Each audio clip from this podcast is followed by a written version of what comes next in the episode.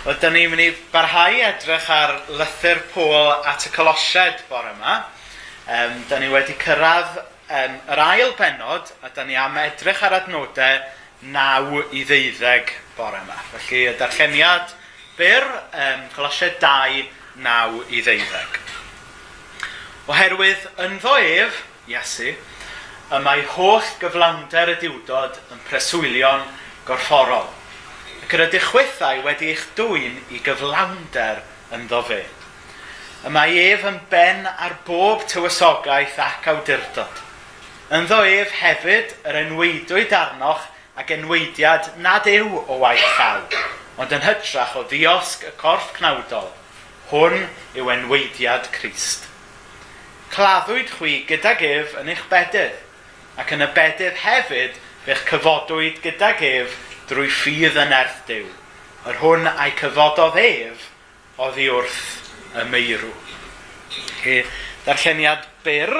Um, ar yr olwg gyntaf, eitha cymleth, ond gyda help Dyw gobeithio chi'n ni ddadbacio be mae'r adnodau yma yn, yn dysgu i ni bore yma. Um, so yn gyntaf i atgoffa'n hunain o beth da ni gobeithio wedi dysgu hyd yma o lythyr Pôl at y Colosied. Mi oedd e yn lythyr i grisnogion yn Asia Leiaf, sef Twrci heddiw. Mi oedden nhw'n grisnogion oedd dim ond i dod i gredu yn ddiweddar. Felly mae'r llythyr yn llawn um, anogaeth iddyn nhw wreiddio i ffydd newydd nhw yn yr arglwydd Iesu Grist.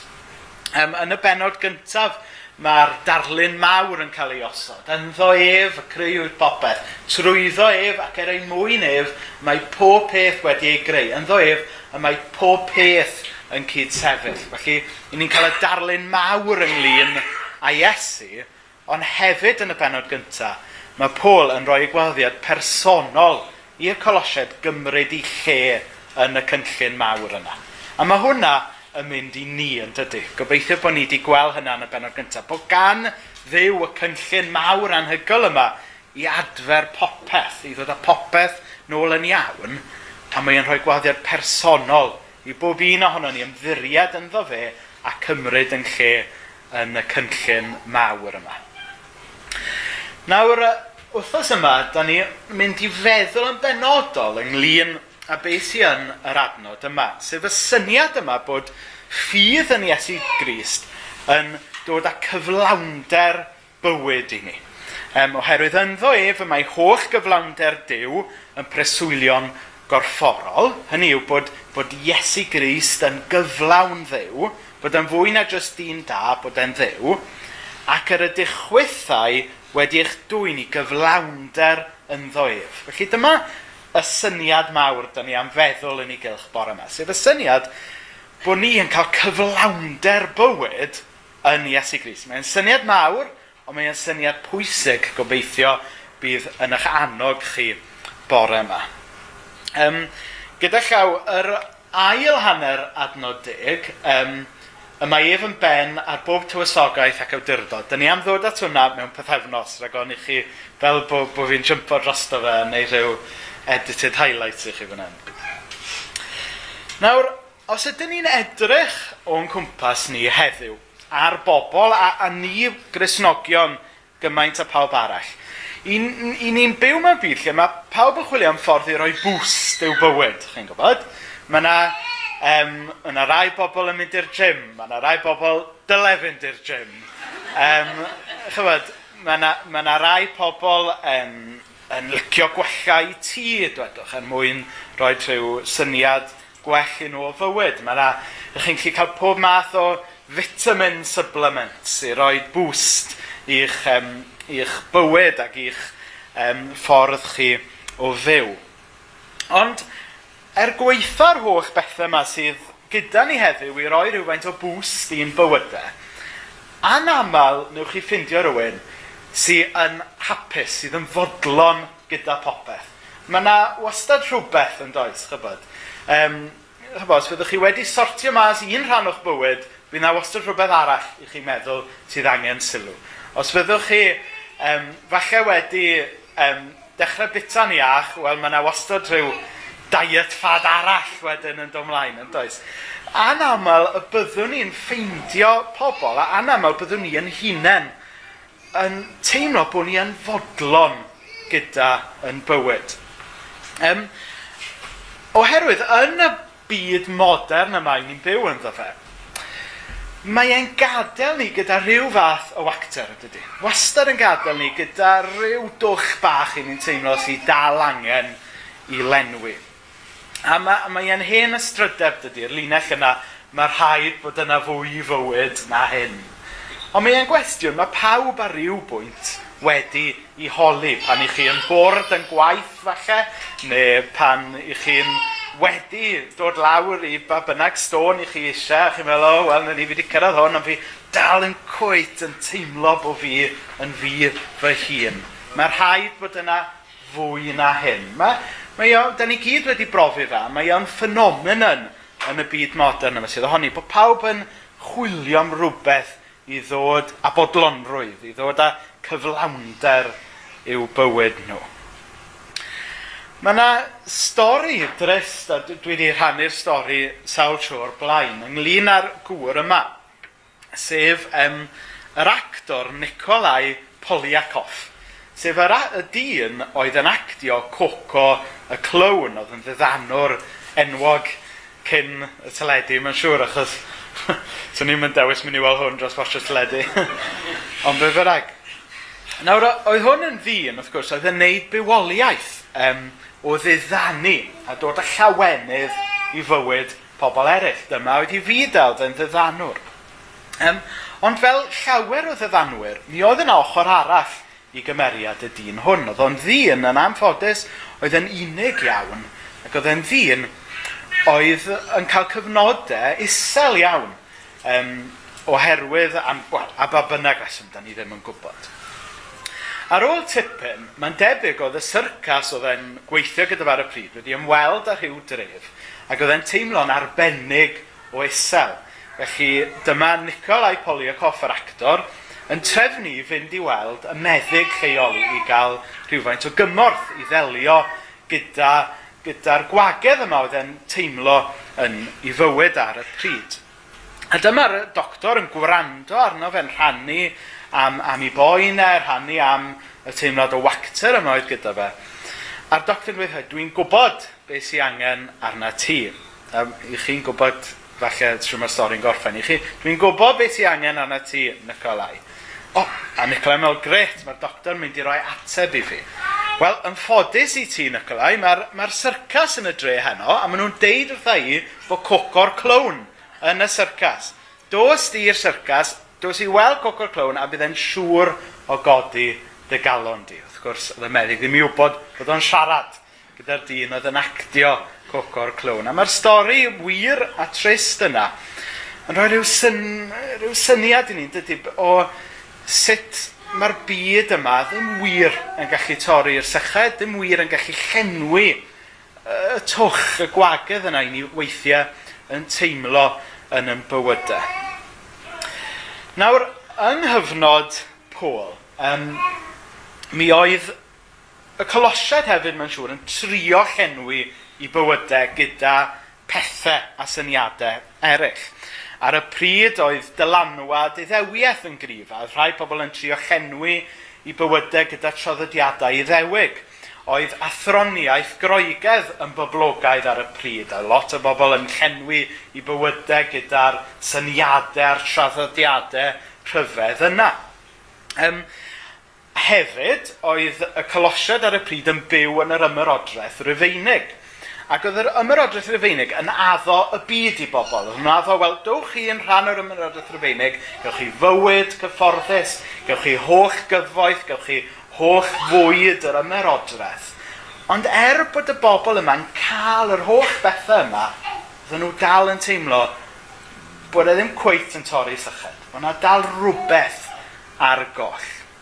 Yng ngeiriau Rolling Stones, I can't get no satisfaction siarad am rhywbeth arall oedd y Rolling Stones, dwi'n ame. Ond mae o'n wir yn dydy. Yn yw, mae pethau'r byd yma, mae, chywa, mae nhw'n entertainio ni am chydig bach. Ond can get no satisfaction, fel mae Mick Jagger. A nes i watcho clip ohono fe yn canu'n Glastonbury llynedd ar YouTube neithiwr, e, a he's still got it. Ond, ond beth bynnag. Nawr, be mae Paul yn mynd mlaen i ddweud? yw mae Iesu sy'n dod â cyflawnder bywyd i ni. Mae Iesu sydd yn llenwi y twch yna, sy'n dod ar bodlonrwydd yna i ni gyd yn chwilio amdano fe. Un o'n ym hoff adnodau i yw Iwan 10, 10. Yr wy fi wedi dod er mwyn i bobl gael bywyd a'i gael yn ei holl gyflawnder. Neu cyfieithiad Bible.net. Dwi wedi dod i roi bywyd i bobl a hwnnw'n fywyd ar ei orau. Dwi'n hoff iawn o'r gyfieithiad yna. A Iesu sy'n siarad y geiriau yma, wrth gwrs. I ni'n... Mae yna hen emyn yn does, dwi'n ddim yn y sgript, felly falle byrau chi um, helpu fi.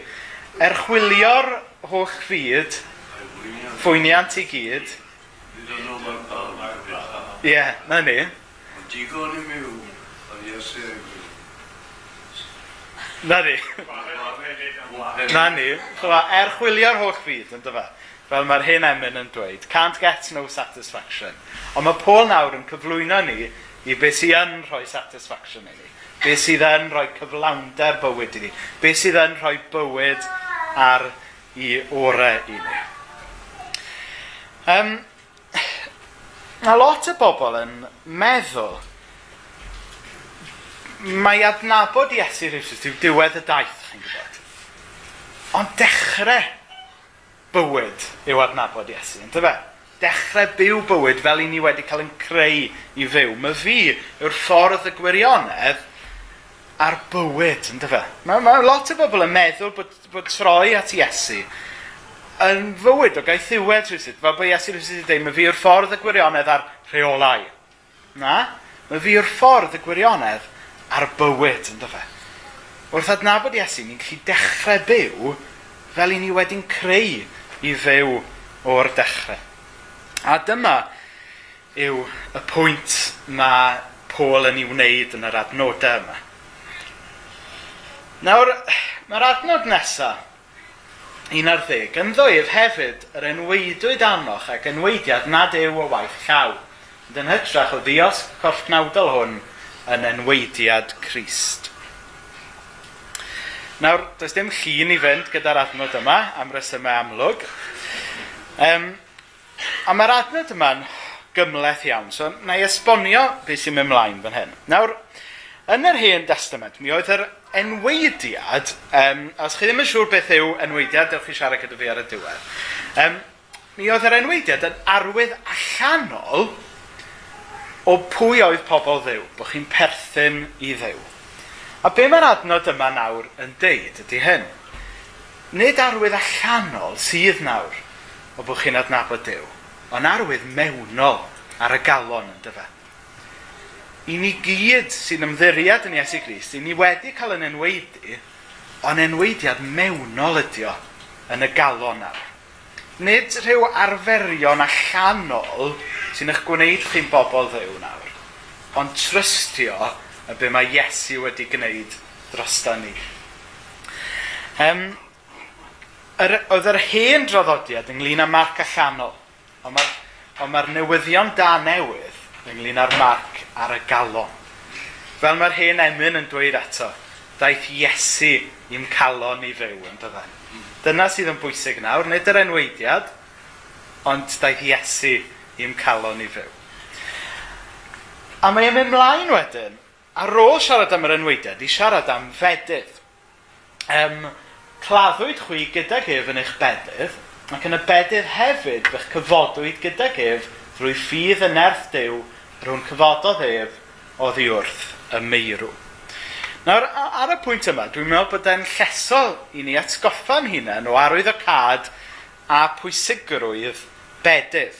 Nawr mae rhai traddodiadau yn bydyddio plant ac i ni wrth gwrs yn um, parchu'r Cresnogion hynny ac yn mwynhau cymdeithas gyda nhw.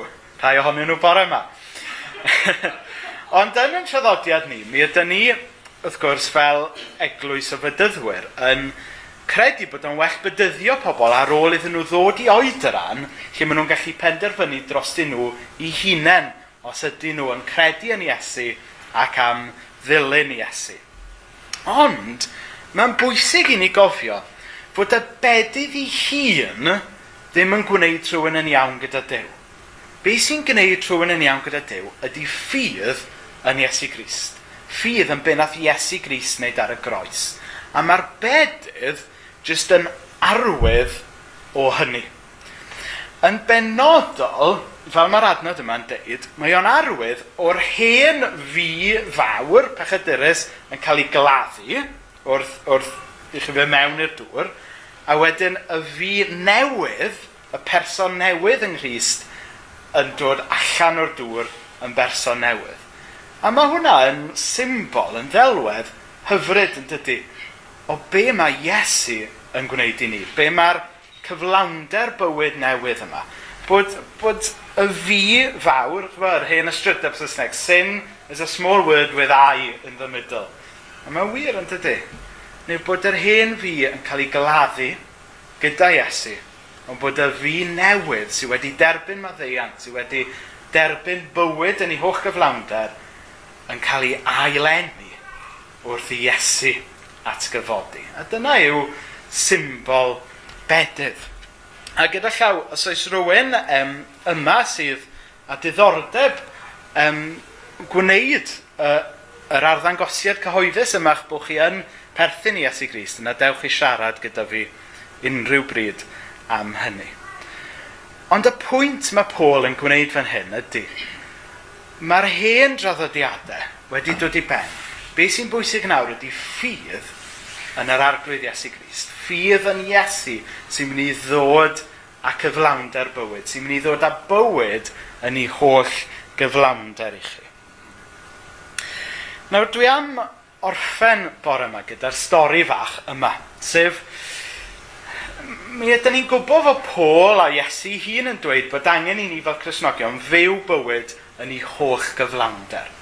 Ond yn aml, da ni ddim yn byw bywyd yn ei hwch gyflawnder. Da ni'n byw fel pobl tawel iawn. Da ni'n byw fel pobl mewn ofn yn aml. Da ni fel bod ni dal i fyw yn yr hen ffordd, yn dilyn rheolau, yn ytrach na byw y ffordd newydd o fynnau rhyddid yn Iesu.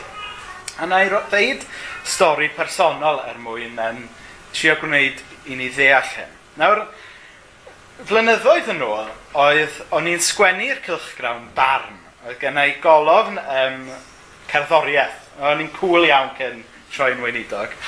Um, a nes i ddechrau pan o'n i dal yn ysgol, so o'n i'n dipyn o fwy. Uh, ac, um, a un o perks cael y golofn yma'n barn, oedd bod fi'n cael tocyn am ddim i fynd i'r holl wyliau cerddorol yma. O'n i'n cael mynd i sesiwn fawr dolgella, o'n i'n cael mynd i maes bi, a o'n i'n cael mynd iddyn nhw gyd am ddim, achos bod fi'n tynnu lluniau wedyn sgwennu um, adolygiadau o'r cyngherddau a'r gwyliau yma. Ac o'n i'n mynd i sesiwn fawr dolgella, mae di dod i ben dwi'n meddwl, neu o leia di dod i ben fel oedd e. Um, am flynyddoedd, yna rhyw 5 mlynedd o'n i'n mynd pob blwyddyn ac o'n i'n cael tocyn i fynd mewn am ddim, achos bod fi yn sgwennu um, i'r cilchgram. Ac y bumed flwyddyn, y flwyddyn olaf o'n i yna, dyma fi'n dangos y tocyn ar y ffordd mewn, a, ac um, ar dyn diogelwch yn deithau, paid di a bitar sandwiches i gyd. A ni'n meddwl, pa... A ni'n meddwl, pa... A meddwl, hwn oedd y bumed flwyddyn nawr, ni'n wedi bod yn mynd mewn am ddim gyda'r tocyn yma. A ni'n meddwl, pa sandwiches? Wel, y sandwiches Cefn Llwyfan, de? A ni'n meddwl, O, oh, reit.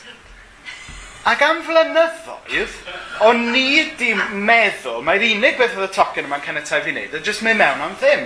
Heb sylweddoli bod yn VIP ticket i fi gael mynd cefn chwyfan lle oedd na sandwiches am ddim, gymaint o ddiod ac o'n i eisiau toilet go iawn, nid yr toilet da chi'n cael yn sesiwn o'r drogella a steddfod ac yn y blaen. A dyna chi o'n i am y bedair blynedd cyntaf, di cael y cyflawnder yma, chyfod, di cael bywyd ar ei orau, ond ddim yn gwybod hynny. A di parhau i dalu am sandwiches yn hun, di parhau i wso'r toilet budr yma, lle oedd yna gymaint o fachdana o'n i eisiau, gymaint o de a coffi o'n i eisiau, toiledu glân a bob dim, ac o'n i'n, oedd hawl gyda i fynd yna, ond o'n i ddim di deall hynny, o'n i ddim di mynd i fwynhau bywyd ar ei orau. A chi'n deall y gymhariaeth yn dydych? Da ni ddim yn deall gymaint mae Iesu wedi ddarparu i ni. Da ni dal i fyw yn dlawd iawn. Da ni, da ni falle'n deall bod Dyw wedi rhoi maddeiant pechodau i ni, ond i ni dal i fyw bywyd o ofn falle. I ni'n deall bod Dyw wedi maddau'n pechodau ni, ond i ni dal yn byw bywyd o reolau bach, heb gymryd y bywyd yn ei gyflawnder yma, mae hawl ganddo ni iddo fe, achos bod Iesu wedi talu y pris. A gobeithio bod y stori fach yna yn, yn helpu ni i ddeall. I ni meddwl am, meddyliwch am hanes y mab a fradlon. Pan ddath y mab a fradlon yn ôl, oedd e'n gofyn i tad gai i ddod nôl i'r tŷ fel un o'r gweision. Oedd e'n dweud, na chi, gei di ddod yn ôl fel mab i fi. Gei di fod yn un o'r etifeddion eto. A dyna sut da ni yn aml. Da ni'n gofyn i'w gen i ddod mewn fel gweision. Na, mae diw'n dweud ni, gen i ddod mewn fel plant iddo fe. A cael yr holl bendithion a'r fendydd sydd yn dod gyda hynny. Ie. Yeah. yr ydych chwythau wedi eich dwy'n i gyflawnder ynddo fe. Oherwydd gwaith Iesu Grist, i ni ddim yn gorfod gofyn yn garedig a gawn ni ddod mewn i denas Dyw trwy'r drws cefn. Ddim o gwbl. Mae Dyw yn gwahodd ni i ddod trwy y drws ffrant gyda Iesu yn yn harwen ni.